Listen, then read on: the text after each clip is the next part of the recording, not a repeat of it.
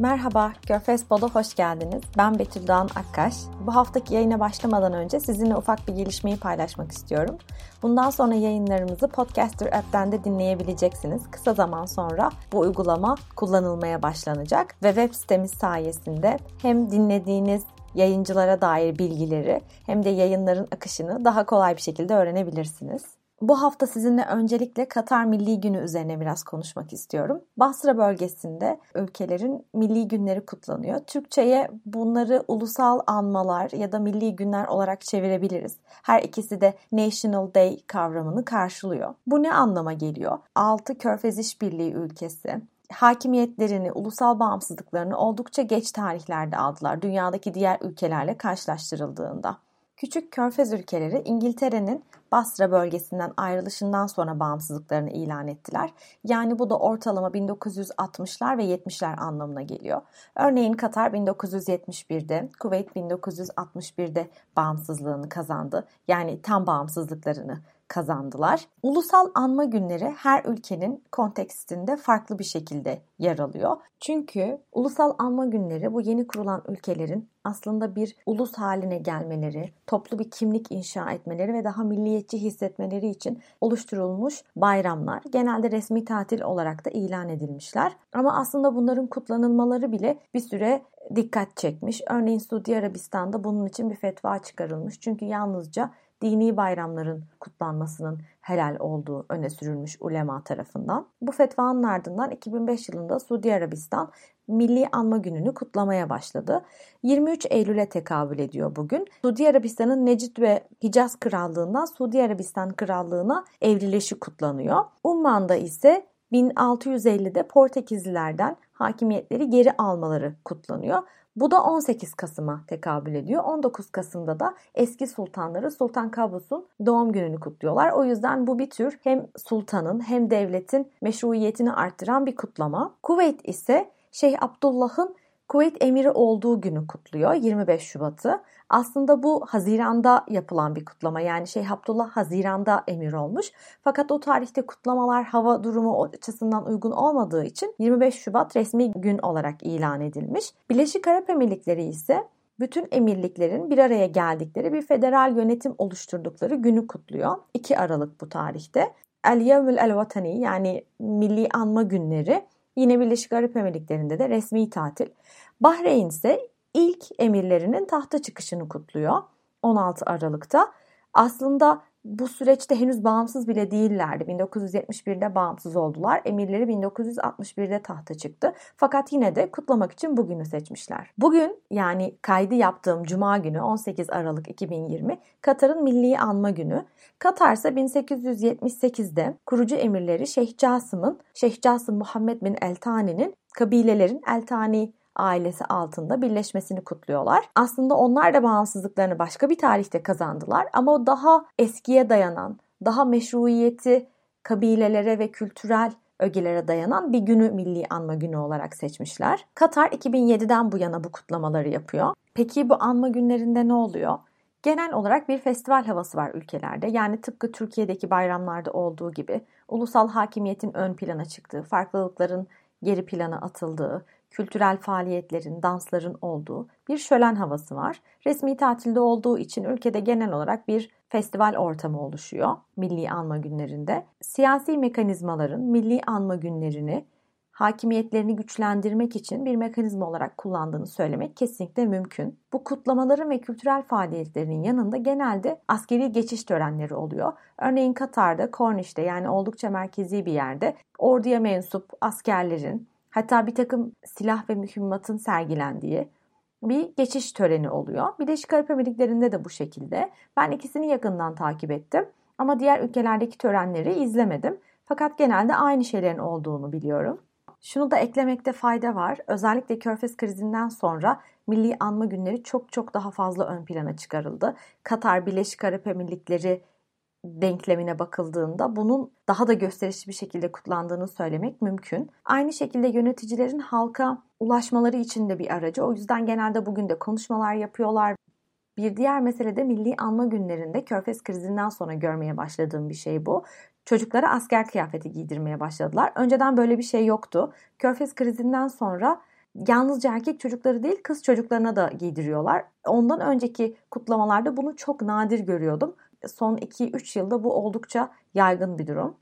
Bugün sizinle konuşmak istediğim diğer mesele Yemen iç savaşında yaşanan bir takım gelişmeler. Daha önce Birleşik Arap Emirlikleri'nin Yemen politikasından biraz bahsetmiştik. Bu aslında daha çok emirliklerin Yemen'e neden odaklandığı ve Suudi Arabistan'la Katar'la ne gibi fikir ayrılıklarına girdiği üzerine bir kayıttı. Bugünse size 2015'te askeri müdahaleyle daha da derinleşen Yemen'deki durumun şu an nereye evrildiğini anlatmak istiyorum. Aslında bu uzun zamandır düşündüğüm bir kayıttı ama geçtiğimiz hafta Yemen'de yeni bir hükümet kurulacağı ve bakanlar kurulu oluşturulacağı ilan edilince belki aranızda bu meseleyi merak edenler olduğunu düşünerek kaydı şimdi yapmaya karar verdim. Şu an Yemen'de oldukça farklı grupların yönetmek için mücadele verdiği, bölünmüş, uluslararası ilişkilerde failed state olarak tanımladığımız tamamen çökmüş bir devlet yapısı var. Bu devlet yapısının içinde terör örgütleri, bir takım mezhebi ayrılıklara dayanan militarist gruplar, merkezi hükümet, güney ayrılıkçıları ve kabilelerin farklı siyasi pozisyonları yani oldukça bölünmüş bir Yemen var elimizde. Bu bölünmüş Yemen'i aslında birleştirmek için bir anlaşma imzalandı geçtiğimiz yıl bu zamanlar.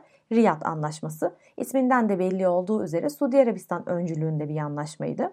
Bu anlaşmanın temel amacı aslında Yemen'i şu an ülkenin %80'ine hakim olan Husilerin yönetimdeki güçlerini askeri ve siyasi olarak azaltmak, onları ve İran'ın etkisini tamamen yok etmek ve güneyin kuzeyle birleştiği, Suudi Arabistan'ın tercih ettiği şekilde yönetilen bir Yemen oluşturmak. Bunun yanı sıra Yemen'de Husilere karşı mücadele eden diğer güçleri de bir çatı altında toplayarak siyasi ve askeri gücün bölünmesini engellemek istiyor Riyad Anlaşması. Fakat tabii ki taraflar henüz bir uzlaşmaya varıp bu anlaşmayı uygulayamadılar.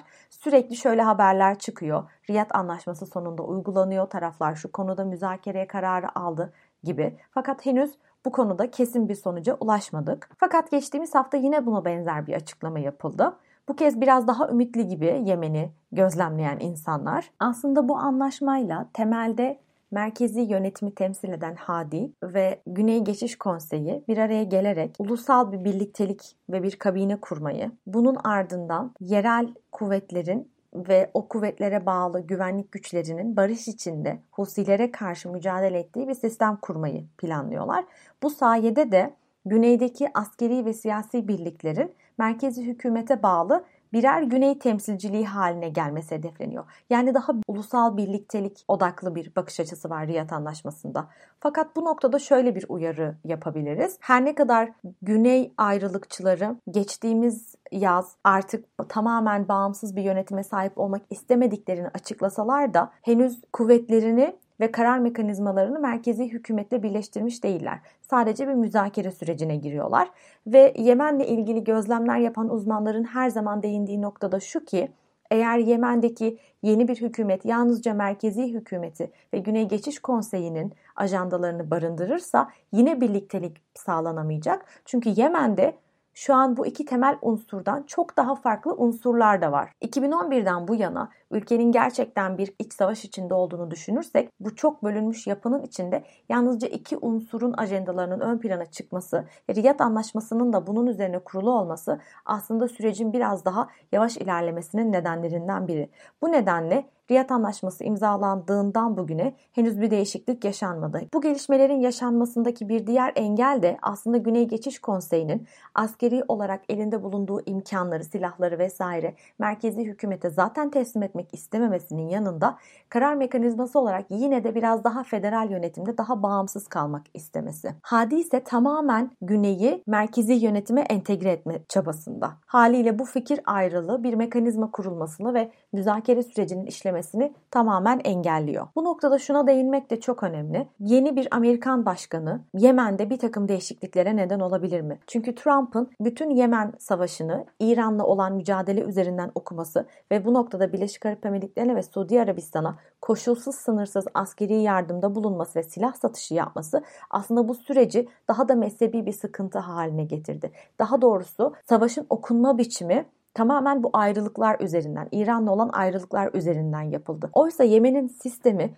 bundan çok daha kompleks ve çok daha öncelikli bir bakış açısı gerektiriyor. Bu nedenle Biden eğer Yemen için yeni ve kapsamlı bir strateji yaparsa aslında ülkenin barışında Amerika'nın da aktif bir rolü olabilir. Peki Biden neleri değiştirebilir? İlk söylediğim maddede olduğu gibi meseleyi yalnızca İran üzerinden okumayı bırakabilir ve Yemen'in asıl unsurlarını, yerel ve merkezi unsurlarını dahil ettiği daha kapsamlı bir bakış açısıyla Yemenlilere odaklanarak bir politika üretebilir. Bu noktada tabii ki Birleşik Arap Emirlikleri'ne ve Suudi Arabistan'a yaptığı silah satışının da kısıtlanması gerekecektir. Ve bu yeni bir Yemen politikası, revize edilmiş bir Yemen politikası oluşturacağı gibi daha barış odaklı bir politika oluşturabilir. Az önce söylediğim gibi Yemen'de şu an Riyad Anlaşması'nın odaklandığı iki unsur Hadi'ye bağlı merkezi hükümet ve güneydeki geçiş konseyi. Birleşmiş Milletler'in odaklandığı iki unsur ise merkezi hükümetle Husiler. Haliyle diğer küçük unsurlar, kabileler ve yeni çıkmış gruplar bu sürece dahil değiller.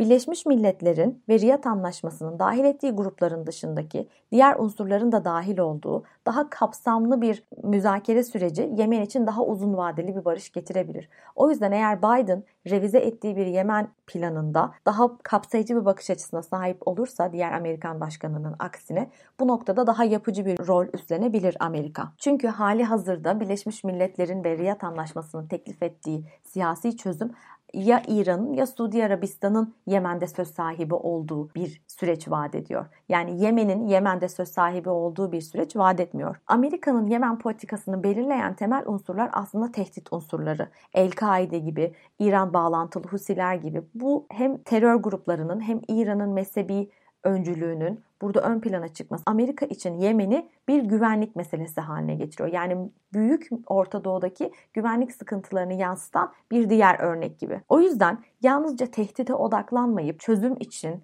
daha uzun vadeli bir sonuç düşünürse eğer Biden yönetimi bu noktada Yemen'de değişiklikler yaşanabilir. Yemen'le ilgili söyleyeceklerim bu kadar. 10 Aralık'ta ilan edildiğine göre bir kabine kurulacak ve bu yeni kabine Güney'in ve merkezi hükümetin bir araya geldiği, daha kapsayıcı ve güç paylaşımı ilkesine dayalı bir sistem kurmayı hedefliyor. Fakat ne kadar başarılı olabilirler bu bilemiyoruz. Ben sizle gelişmeleri paylaşmak istedim. Önümüzdeki yayında görüşmeyi diliyorum. Hoşçakalın.